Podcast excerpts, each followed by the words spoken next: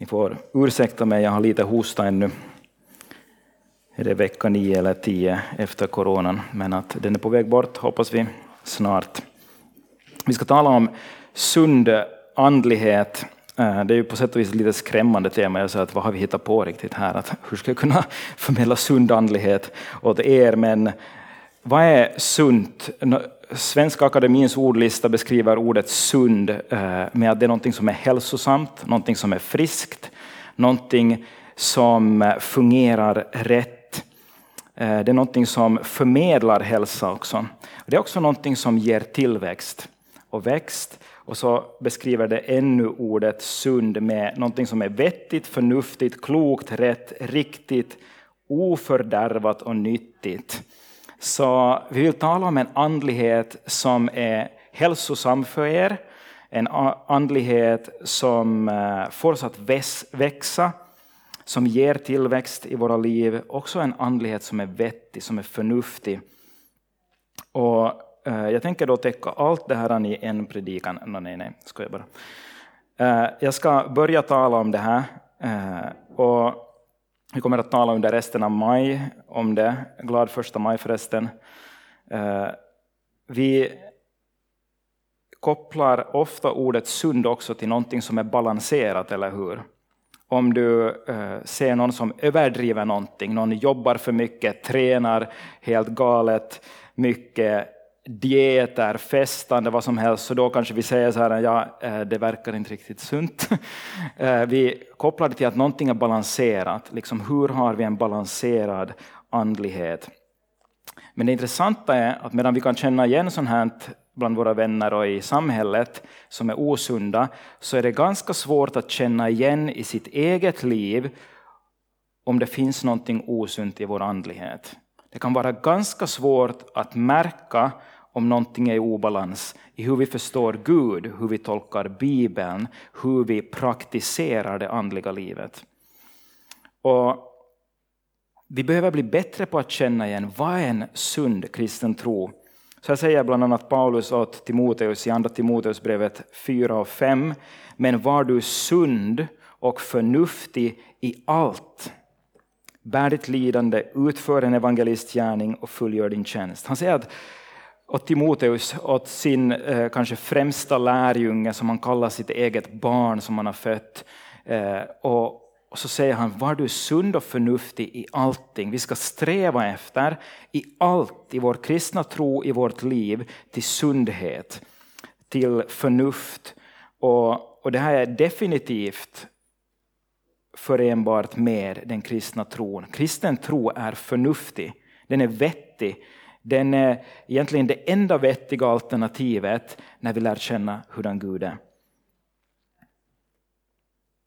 Så Gud uppmuntrar oss att söka det som är sunt.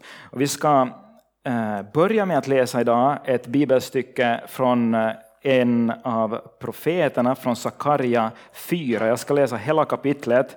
Och det är en ganska speciell ganska speciell profetia som Sakarja får och nu kanske du kommer att tänka direkt så här, oh my goodness, han ska predika om sund andlighet utifrån det här, men bear with me. Det finns en poäng här. Så vi ska läsa hela Sakarja kapitel 4, säkert kommer upp här på skärmen också. Där står det så här, Ängeln som talade med mig kom tillbaka och han väckte mig som när någon väcks ur sömnen. Han sa till mig, vad ser du? Jag svarade, jag ser en ljusstake, helt av guld, med sin oljeskål upp till och med sina sju lampor.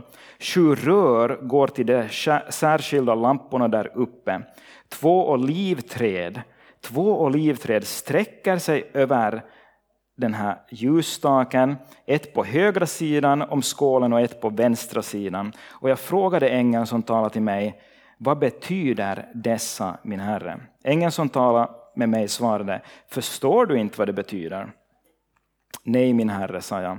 Då sa han till mig, detta är Herrens ord till Serubabel, inte genom styrka, inte genom kraft, utan genom min ande, säger Herren Sebaot. Vem är du, du stora berg? Inför Serubabel ska du förvandlas till jämn mark. Ty han ska föra fram slutstenen medan man ropar nåd, nåd över den. Och Herrens ord kom till mig, han sade, Serubabels händer har lagt grunden till detta hus, Hans händer ska också göra det färdigt och du ska förstå att Herren Sebot har sänt mig till er. Ty vem vill förakta den ringa begynnelsens dag? Det gläds över att se murlodet i Serubabels hand, dessa Herrens sju ögon som far omkring över hela jorden. Jag frågade honom, vad betyder dessa två olivträd till höger och till vänster om ljusstaken? Och jag frågar honom igen, vad betyder de två olivkvistarna intill de två gyllene rännorna som den gyllene oljan rinner ner genom? Då sa han till mig, förstår du inte vad det betyder? Jag svarade nej, min herre. Då sa han, dessa två är det smorda som står inför hela jordens Herre. En ganska besynnerlig text, en speciell profetia eh, som Sakarja ser, eller han ser egentligen en syn. Eh, det är inte i första hand en profetia, han ser en syn om någonting som ska hända.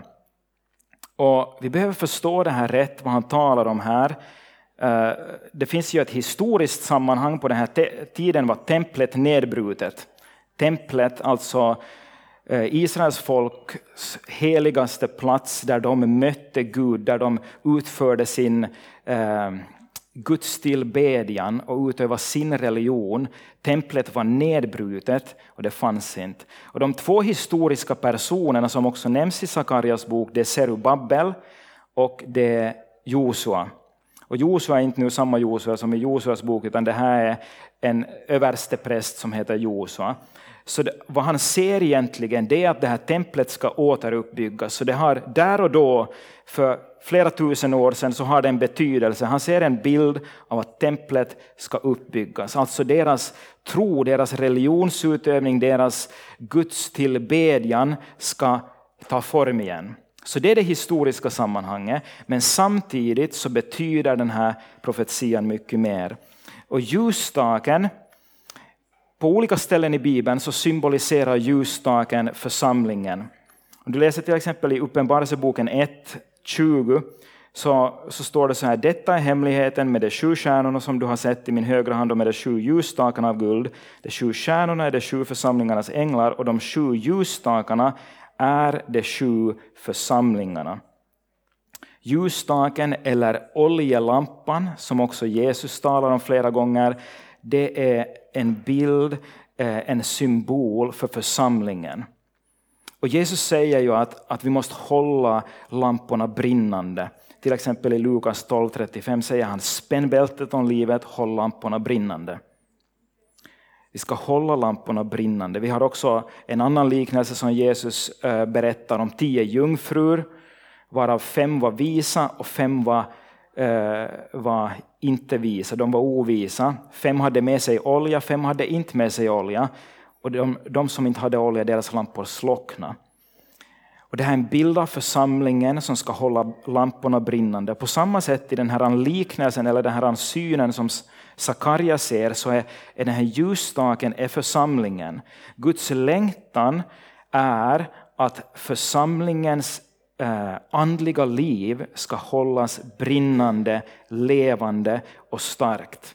Så det han ser där i centrum, det är den här ljusstaken, församlingen. Och och så ser han två olivträd som sträcker sig över det. Två olivträd som liksom överskuggar den här eh, ljusstaken i mitten och från olivträdet det är två kvistar som hänger ut. Kan du måla upp det här inför dina ögon här? Det är två kvistar som hänger ut från olivträdet. Det går två gyllene rännor från kvistarna och genom rännorna så rinner den gyllene oljan till lamporna. Och då måste vi fråga oss att om det är två olivträd som egentligen hämtar all olja och allt liv till den här ljusstaken som är församlingen, vad är då de här två olivträden? Vad är det som är så eh, starkt, så centralt att Gud ger en sån här bild att det finns två saker som överskuggar församlingen, som församlingen på sätt och vis ska bo under och få allt sitt liv igenom. Och utan de här två så hålls inte församlingen sund, den hålls inte levande, den hålls inte brinnande. Han slutar med att säga, Sakarias 4 och 14, dessa två är de smorda som står inför hela jordens Herre. Så han talar då i den tiden om Josua och Serubabel. Eh, och Josua var överstepräst, Serubabel hade en profetisk kallelse. Han var kallad av Gud att göra en profetisk tjänst. Men det är inte första gången det här uttrycket, eller det är inte, vi ska säga så här, det är inte enda gången det här uttrycket används i Bibeln, utan nästan ordagrant upprepas de här orden i Uppenbarelseboken 11 och vers 3 och 4. Så om du hänger med mig till Uppenbarelseboken så står det så här, 11, vers 3. Och jag ska befalla mina två vittnen att profetera under 100 160 dagar klädda i säcktyg. Dessa är de två olivträden och de två ljusstakarna som står inför jordens Herre. Så i Bibelns sista bok, ungefär halvvägs, där det berättas om hur världshistorien ska knytas samman i tidens slut, så finns de här två vittnena, de två olivträden med på nytt. Här är de ett med ljusstaken. Här kallas de både de två olivträden, de två ljusstakarna, de är ett med ljusstaken. Och så står det i vers 6 så här, hänger du med nu? Tror du att det kommer att sluta bra? Alla är lite tveksamma. I vers 6 står det så här, det, det har makt att stänga himlen så att det inte regnar under de dagar det profeterar. Det har makt att förvandla vattnet till blod och att slå jorden med alla slags plågor så ofta det vill. Vilka människor i Bibeln gjorde det här? Innan det här skrevs, långt innan. Vem stängde himlen så att det inte regnade under de dagar det profeterar, alltså under 200, 1260 eh, dagar, ett, tre och ett halvt år? Vem stängde himlen? Någon vet det här i Gamla testamentet. Elia stängde himlen. Vem förvandlar vatten till blod och slår jorden med alla slags plågor? Mose. Elia och Mose är de som träder fram här. I en händelse i Jesu eget liv så tar han med Petrus och Jakob upp på ett berg för att vara ensam med dem och be. Och så står det så här i Matteus 17, vers 2 och 3. Och han förvandlades inför dem, hans ansikte lyste som solen och hans kläder blev vita som ljuset. Och se, Mose och Elia visade sig för dem och de samtalade med honom. Mose och Elia framträder här med Jesus på berget. Alltså, Gud skulle kunna välja vilka två gestalter som helst från hela Bibeln. Varför väljer Gud att Mose och Elias står och samtalar med Jesus? De var där inför deras ögon och samtalar med Jesus. Och så kommer de tillbaka i Uppenbarelseboken. Och de är de två vittnena, de två olivträdena, som är dessutom ett med de två ljusstakarna. Vad representerar de här två personerna? Vad är det som håller församlingen brinnande, levande och sund? Mose och Elia är de främsta representanterna i Gamla testamentet för två andliga strömmar.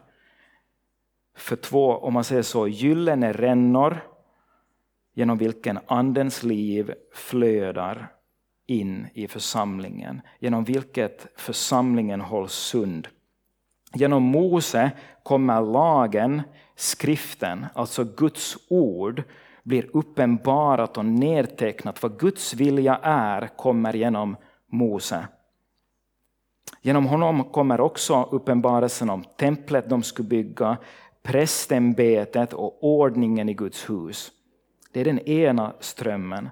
Genom Elia, som är profet, genom honom kommer Guds andes verk i kraft. Mäktiga mirakler sker. Han har speciellt, ett speciellt uppdrag att uppenbara Guds kraft i en tid där folket vänder sig bort från Gud.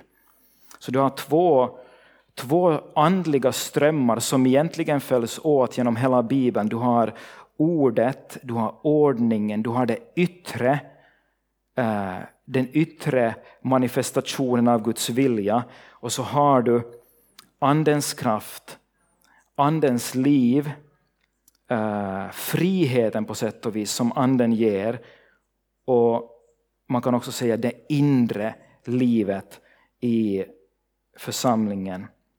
Och De här går sida vid sida. Ordet och anden. Du har ordning och frihet. Du har det yttre och det inre som vittnar om vem Gud är. Så låt oss tala om de här två strömmarna i ordning. Och för det första så har vi då ordet. Guds ord är Guds uppenbarade vilja i Bibeln och det är grunden för allt sunt liv. Guds ord är den ena strömmen som ger sundhet åt vår andlighet. Och till exempel i första Timoteusbrevet 6, vers 3 så står det att vi ska hålla oss till vår Herre Jesu Kristi sunda ord och till den lära som hör till Guds fruktan. Han säger att håll er till vår Herre Jesu Kristi sunda ord. Den lära som hör till Guds fruktan. Alltså det finns någonting som gör sunt med Guds ord. Någonting som gör oss hälsosamma, hela, eh, som ger oss tillväxt med Guds ord. Jag skulle säga att det finns en tendens i dagens värld att försöka bryta ner, plocka bort så mycket man bara kan från Guds ord. Det finns till och med en hel eh, vetenskaplig strömning som kallas deconstructionism, där man medvetet vill plocka ner Guds ord tills man bara har kvar det som man vettigt kan förklara, som går ihop med eh, vetenskaplig forskning och med alla naturlagar och så vidare. Så man försöker få Guds ord att bli eh, så mänskligt, så intetsägande egentligen som möjligt. Och sund andlighet börjar igen alltid med ordet, en ödmjukhet inför ordet, att jag behöver Guds ord för att leva. Och också att bekänna att Guds ord är en auktoritet i mitt liv. Får Guds ord tala in i mitt liv och säga hur jag bör leva, vilka val jag bör göra i mitt liv. Är Guds ord en auktoritet? Jesus själv får titeln Guds ord i Bibeln i Johannes evangeliet 1 och från vers 1. I begynnelsen var ordet och ordet var hos Gud och ordet var Gud. Och han är också den som har varit med och skapat hela världen. Guds ord är skapande. Guds ord är Jesus Kristus. När du läser din bibel och, och tar in Guds ord så är det inte bara goda idéer. Du umgås med Jesus, du låter Jesus Kristus tala in i dig och skapa nytt. Bibeln säger också uh, i Andra Timoteusbrevet 3, vers 16 och 17 att hela skriften, allting som står i Bibeln, hela skriften, den är utandad av Gud.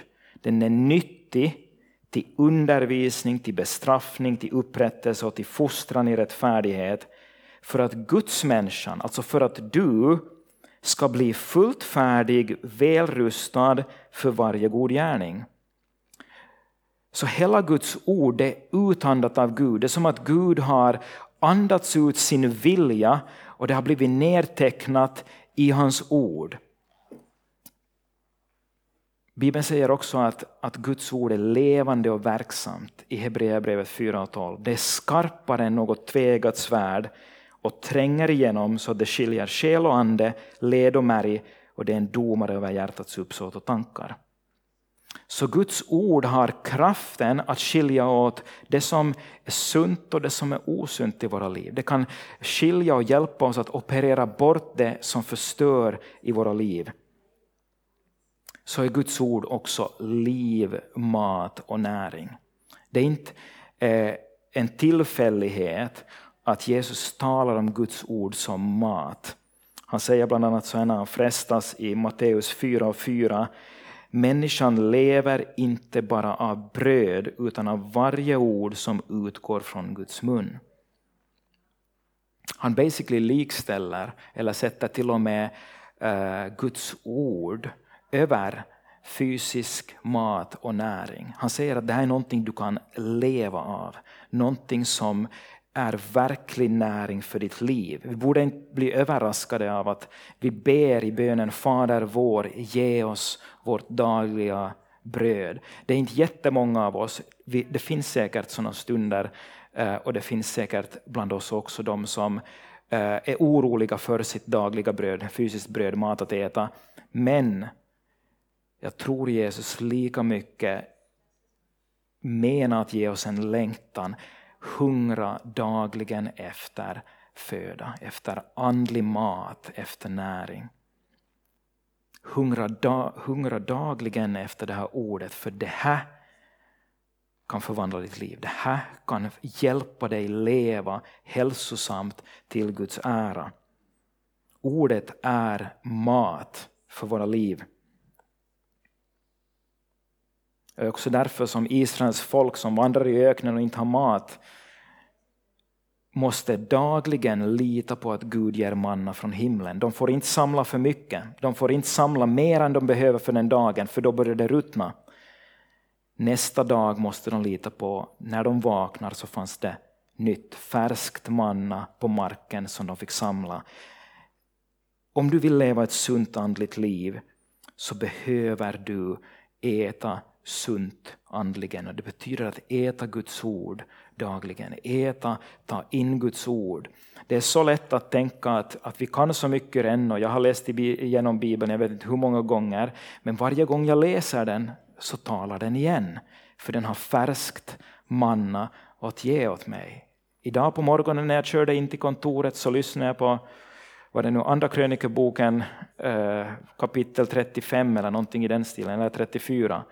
Och för första gången märker jag att den fantastiska kungen Josias, som gjorde reformer i hela, eh, hela riket, den första kungen som firade Herrens påsk efter en lång tid, åratal, decennier, han upprättade egentligen hela templet och tempeltjänsten, men i slutet av livet, för första gången märkte jag det i morse när jag körde in till jobbet, så märkte jag att han inte lyssnade till Gud utan han gick ut i krig emot Guds vilja. Det visar bara att den bästa reformatorn i hela världen, den som kan följa Gud hela livet och göra stora förändringar, behöver hållas ödmjuk till att jag också kan missta mig och behöver hjälp av andra för att höra Gud. Guds ord talar färskt till mig idag på morgonen Fast jag hade bråttom till jobbet klockan åtta och få predikan färdig och göra allt det andra, så har Gud tid att tala till mig om någonting som inte har någonting med den här predikan att göra. Och det hjälper mig igen. Vänta lite, också jag måste hålla sig ödmjuk under resten av mitt liv, oavsett vad Gud gör under mitt liv eller vad vi får vara med om här i Metsko. Också jag kan mista mig i något skede och jag behöver andras hjälp. Det finns faror däremot också med att bli fokuserad bara på Guds ord. Och därför kommer vi snart till den andra strömmen, den andra fåran. Det finns faror eh, med att vi blir för fokuserade enbart på att hitta den absolut korrekta, enda rätta doktrinen. Att börja strida om vad som är den rätta tron och den sanna övertygelsen. Och vi blir indragna i bara en massa prat, kanske till och med stridigheter och splittringar mellan samfund.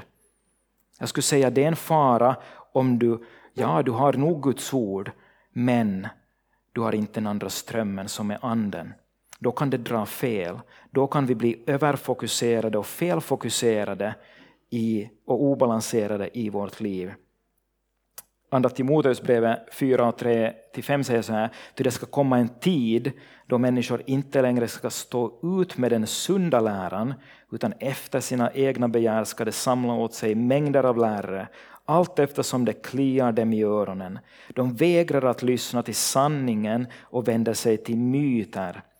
Men var du sund och förnuftig i allt, bär ditt lidande, utför en evangelistgärning och fullgör din tjänst. Det finns alltså, han varnar specifikt för att den här tiden ska komma och den har pågått länge redan. Men den är nu, en tid då man samlar lärare efter allt som kliar oss i öronen. Alltså precis vad än som jag tycker att det här vill jag höra är jag mera öppen för än vad Bibeln verkligen säger. Ja, men jag vill inte höra att någon människa kan hamna i helvete. Ja, men då, då stänger jag mig för det. Jag vill bara höra att alla kommer till himlen. Eller jag vill inte höra eh, om det ena eller det andra. Jag vill bara ha det som kliar mig i öronen. Det som jag tycker om. Du kan inte hålla sund om inte du är djupt rotad i Bibeln och stadig i Bibeln. Men sen kommer vi till den andra fåran, den andra strömmen som jag tror är lika viktig. Den andra eh, strömmen som håller församlingen ljusstaken brinnande och sund, hälsosam så den kan utföra sin tjänst, det är anden. Elia kommer med kraft, han gör under och visar andens kraft på ett speciellt sätt. Det är många som betonar skriften och det finns sen andra grupperingar som betonar, betonar anden väldigt mycket. Men sundhet här skulle betyda att inte glömma det andra när vi betonar det ena. De behöver gå sida vid sida för att vi inte ska hamna fel. Anden kallas ju hjälparen i Bibeln. Johannes evangeliet 15.26. När hjälparen kommer som jag ska sända er från Fadern, sanningens ande som utgår från Fadern, då ska han vittna om mig. När hjälparen kommer, vi behöver inte vara rädda för anden. När anden kommer så kommer han med ett huvudsakligt uppdrag och det är det att vittna om Jesus Kristus. Han kommer för att belysa och göra Jesus Kristus levande i ditt liv. Så du behöver inte vara rädd för att anden är något spukigt, något nytt och konstigt, någon, någon liksom, vi ser kanske Aladdins lampa framför oss eller något annat om vi inte har läst Bibeln så mycket. Anden kommer och han är en uppenbarelse av Gud själv. Så ordet är Jesus Kristus, det är Gud. Anden, den andra strömningen i församlingen, är också Gud. Han är den tredje personen i treenigheten. Han är hjälparen som kommer för att hjälpa oss förstå hela sanningen. Det står det om i Johannes 16.13. Men när han kommer, sanningens ande, då ska han föra er in i hela sanningen. Ty han ska inte ta av sig själv, utan allt det han hör ska han tala och han ska förkunna för er vad som kommer att ske. Så när anden kommer så står det att han ska föra er in i hela sanningen. Det här talar Jesus i slutet av sitt liv. Jesus har redan haft bergspredikan, han har redan undervisat dem i tre och ett halvt år. Och ändå så säger Jesus, när anden kommer så ska han hjälpa er, han ska föra er in i hela sanningen. Det här betyder att du kan inte läsa Guds ord, du kan inte förstå Guds ord och få tag på hela sunda läran, hela sanningen utan den helige Andes hjälp.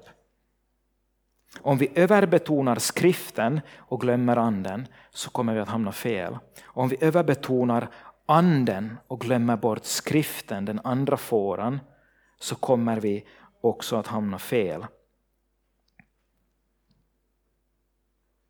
Så Andens uppgift är att föra oss in i hela sanningen. Anden tar det yttre, ordet, och förklarar det för vårt inre så att vi kan förstå det.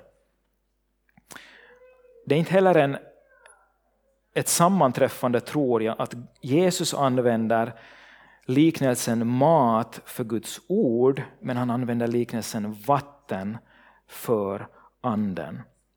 Han säger i Johannes 7, vers 37 och 38. På den sista dagen, den största i högtiden, stod Jesus och ropade om någon törstar så kom till mig och drick. Den som tror på mig, ur hans innersta ska strömmar av levande vatten flyta fram, som skriften säger. Och det, här, det, det läggs till sen, det här sa han om anden som skulle ges åt dem som tror. Så Guds ord är som mat. Du kan inte leva utan mat, utan näring. Men anden är som vatten. Och Du kan inte leva utan vatten. Och anden kommer med en kraft att leva det kristna livet. En kraft att vara ett vittne om Jesus Kristus. Som det står i Apostlagärningarna 1 och när den helige Ande kommer skall han ge er kraft att bli mina vittnen. Och om du ser på vad Paulus gör, Paulus håller de här två, om du skulle läsa breven igen och vad Paulus undervisar och tänka på de här två, så återkommer han gång på gång, flera gånger till ordet och anden, sida vid sida. Ordet och anden. Han säger själv så här i Romarbrevet 15, vers 18-19. Jag vågar inte tala om annat än det som Kristus har utfört genom mig för att hedningarna skulle föras till lydnad. Genom ord och gärningar och genom kraften i tecken och under genom Andens kraft. Han räknar med de här båda. Han predikar evangelium. Det finns det yttre, ordet nedtecknat, Jesu ord som han förmedlar. Men sen kommer den andra sidan som behövs för att folk ska kunna få hela bilden av Jesus Kristus. För att folk ska kunna se Guds härlighet i församlingen. För att folk ska kunna börja tro på Jesus Kristus genom det liv som finns i församlingen så behövs också Andens kraft. Kraften i tecken och under, Andens kraft. Jesus går med de här två hela tiden genom sin jordiska tjänst. Han förkunnar ordet och han gör under. Han botar sjuka, han talar profetiskt, han har visdomsord, kunskapens ord om människor. Han upprättar människors känsloliv, han helar människor både till det yttre och det inre. Han reser upp döda. Konstant så finns det ordet och det finns kraften som samverkar för att uppenbara Gud och vem han är.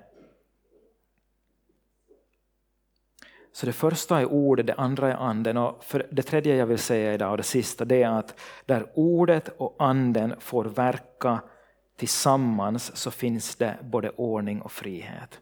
Alltså där ordet och anden verkar tillsammans, där finns både ordning, en trygg ordning, men där finns också frihet för Gud att verka. Och det är kanske det sista som de här kan stå för om vi tar Mose och Elia. Mose kommer och han ger en ordning för deras gudstillbedjan. Han, han får uppenbarelsen om hur templet, uppenbarelsetältet först, sen templet ska byggas och hur de ska tillbe, hela prästämbetet, vilken ordning det har. Han var själv dessutom levit från den levitiska stammen. Det finns en ordning där, men sen kommer Elia och han representerar Guds andes frihet att välja vem han vill. Profeterna är ju inte präster i Bibeln, i Gamla Testamentet. Om du tar profeterna, de är inte från levitiska stammen eller präster, utan Gud väljer någon, vem han vill, var som helst i folket och kallar dem till profet. Och de dyker upp var som helst, kanske väldigt otympligt i olika skeden, i olika lägen. När man minst förväntar dem så dyker det upp en profet och kommer med något ord från Gud och gör ett under. Och där finns den frihet som inte finns i ordningen. Och de här två går hand i hand. Och det här håller också Paulus sida vid sida. Första Korinthierbrevet 14.33 säger så här. Ty Gud är inte oordningens Gud utan fridens Gud. Och i Andra Korinthierbrevet 3 och vers 17 står det Herren är anden och där Herrens ande är, där är frihet. Samtidigt, Gud är inte oordningens Gud. Det finns ordning i Guds hus. Det finns till och med hierarki, ett extremt negativt ord i dagens värld. Men hierarki finns genom hela samhället fortfarande. Så har du en hierarkisk ordning i företag och på skolor och överallt. Eh, men det har blivit ett negativt ord. Men hierarki kommer egentligen eh, från ett ord som betyder helig ordning. Helig ordning. Gud har upprättat en ordning för sitt hus. Den finns också fortfarande i Nya testamentet och Apostlagärningarna för hur församlingen ska ledas. Det finns praktiska råd för ordningen i församlingen. Men sen finns där frihet. Där Herrens ande är, där är frihet. Andens kraft, andens verk, att verka så som Gud vill för att Jesus ska uppenbaras. Så Guds rike består både i ordning och frihet. Folk som bara vill ha frihet kommer att sluta i svärmeri.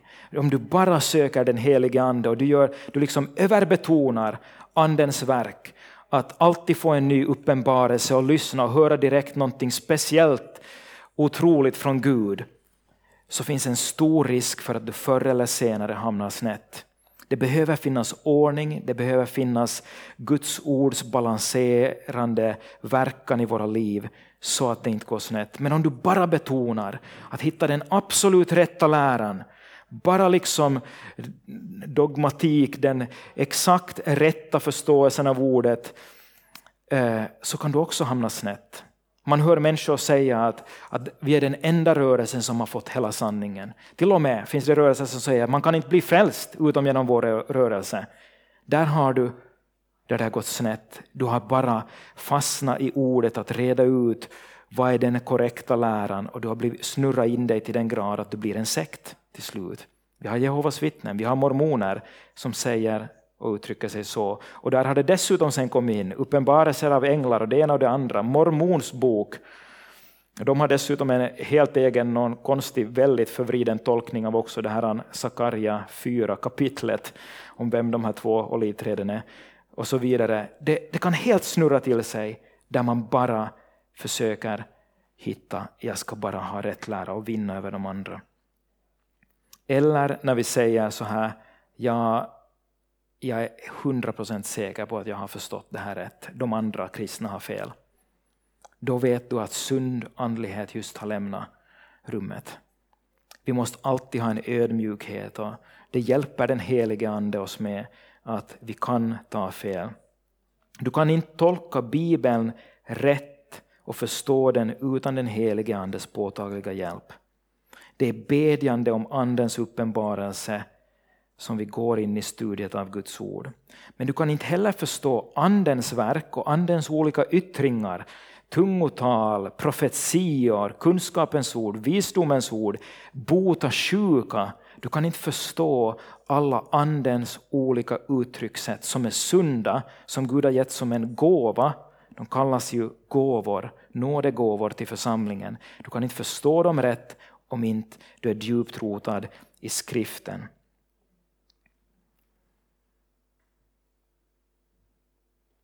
Så de här två andliga fårorna håller församlingen sund. Och jag skulle säga så här, om du tänker på de här två olivträden vi talar om i början i Sakarja 4. De sträcker sig ut över församlingen, över ljusstaken. De på sätt och vis blir som ett paraply som skyddar den. De både ger näringen och livet till församlingen, men de blir som ett paraply som skyddar den.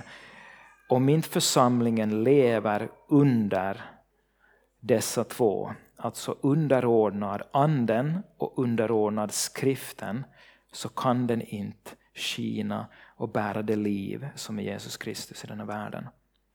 Den behöver leva beskyddad, inte bara av ordet, inte överbetona bara ordet, skriften, inte bara av anden och överbetona anden. Den behöver leva beskyddad av ordet och anden tillsammans. De går sida vid sida.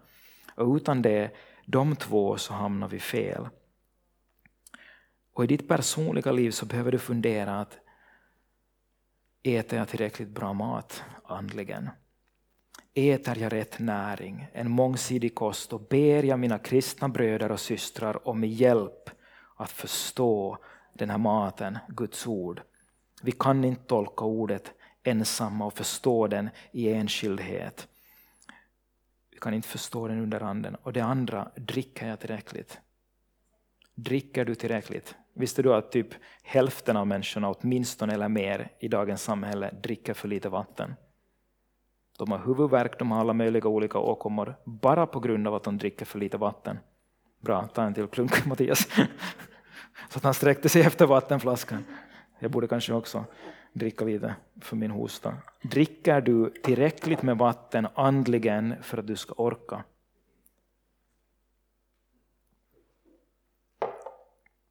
För att du inte ska tolka skriften fel. Det är endast en församling som lever i den här balansen under ordet och under anden som kan lysa på ett sätt som gör att Jesus blir synlig i den här världen. Det här lägger grunden för sund andlighet. Om du har varit rädd för den helige Ande och hans verk så behöver du landa i det som Bibeln säger om den helige Ande, att han är en hjälpare. Han är Gud själv och han kan inte göra någonting. Den helige Ande kan inte göra någonting som är skadligt, för han är Gud och han är god. Och vi behöver våga ta emot honom. Människor som överbetonar anden kan göra saker som är skadliga. När människor överbetonar anden och det far ut i svärmeri, då kan det bli en osund miljö.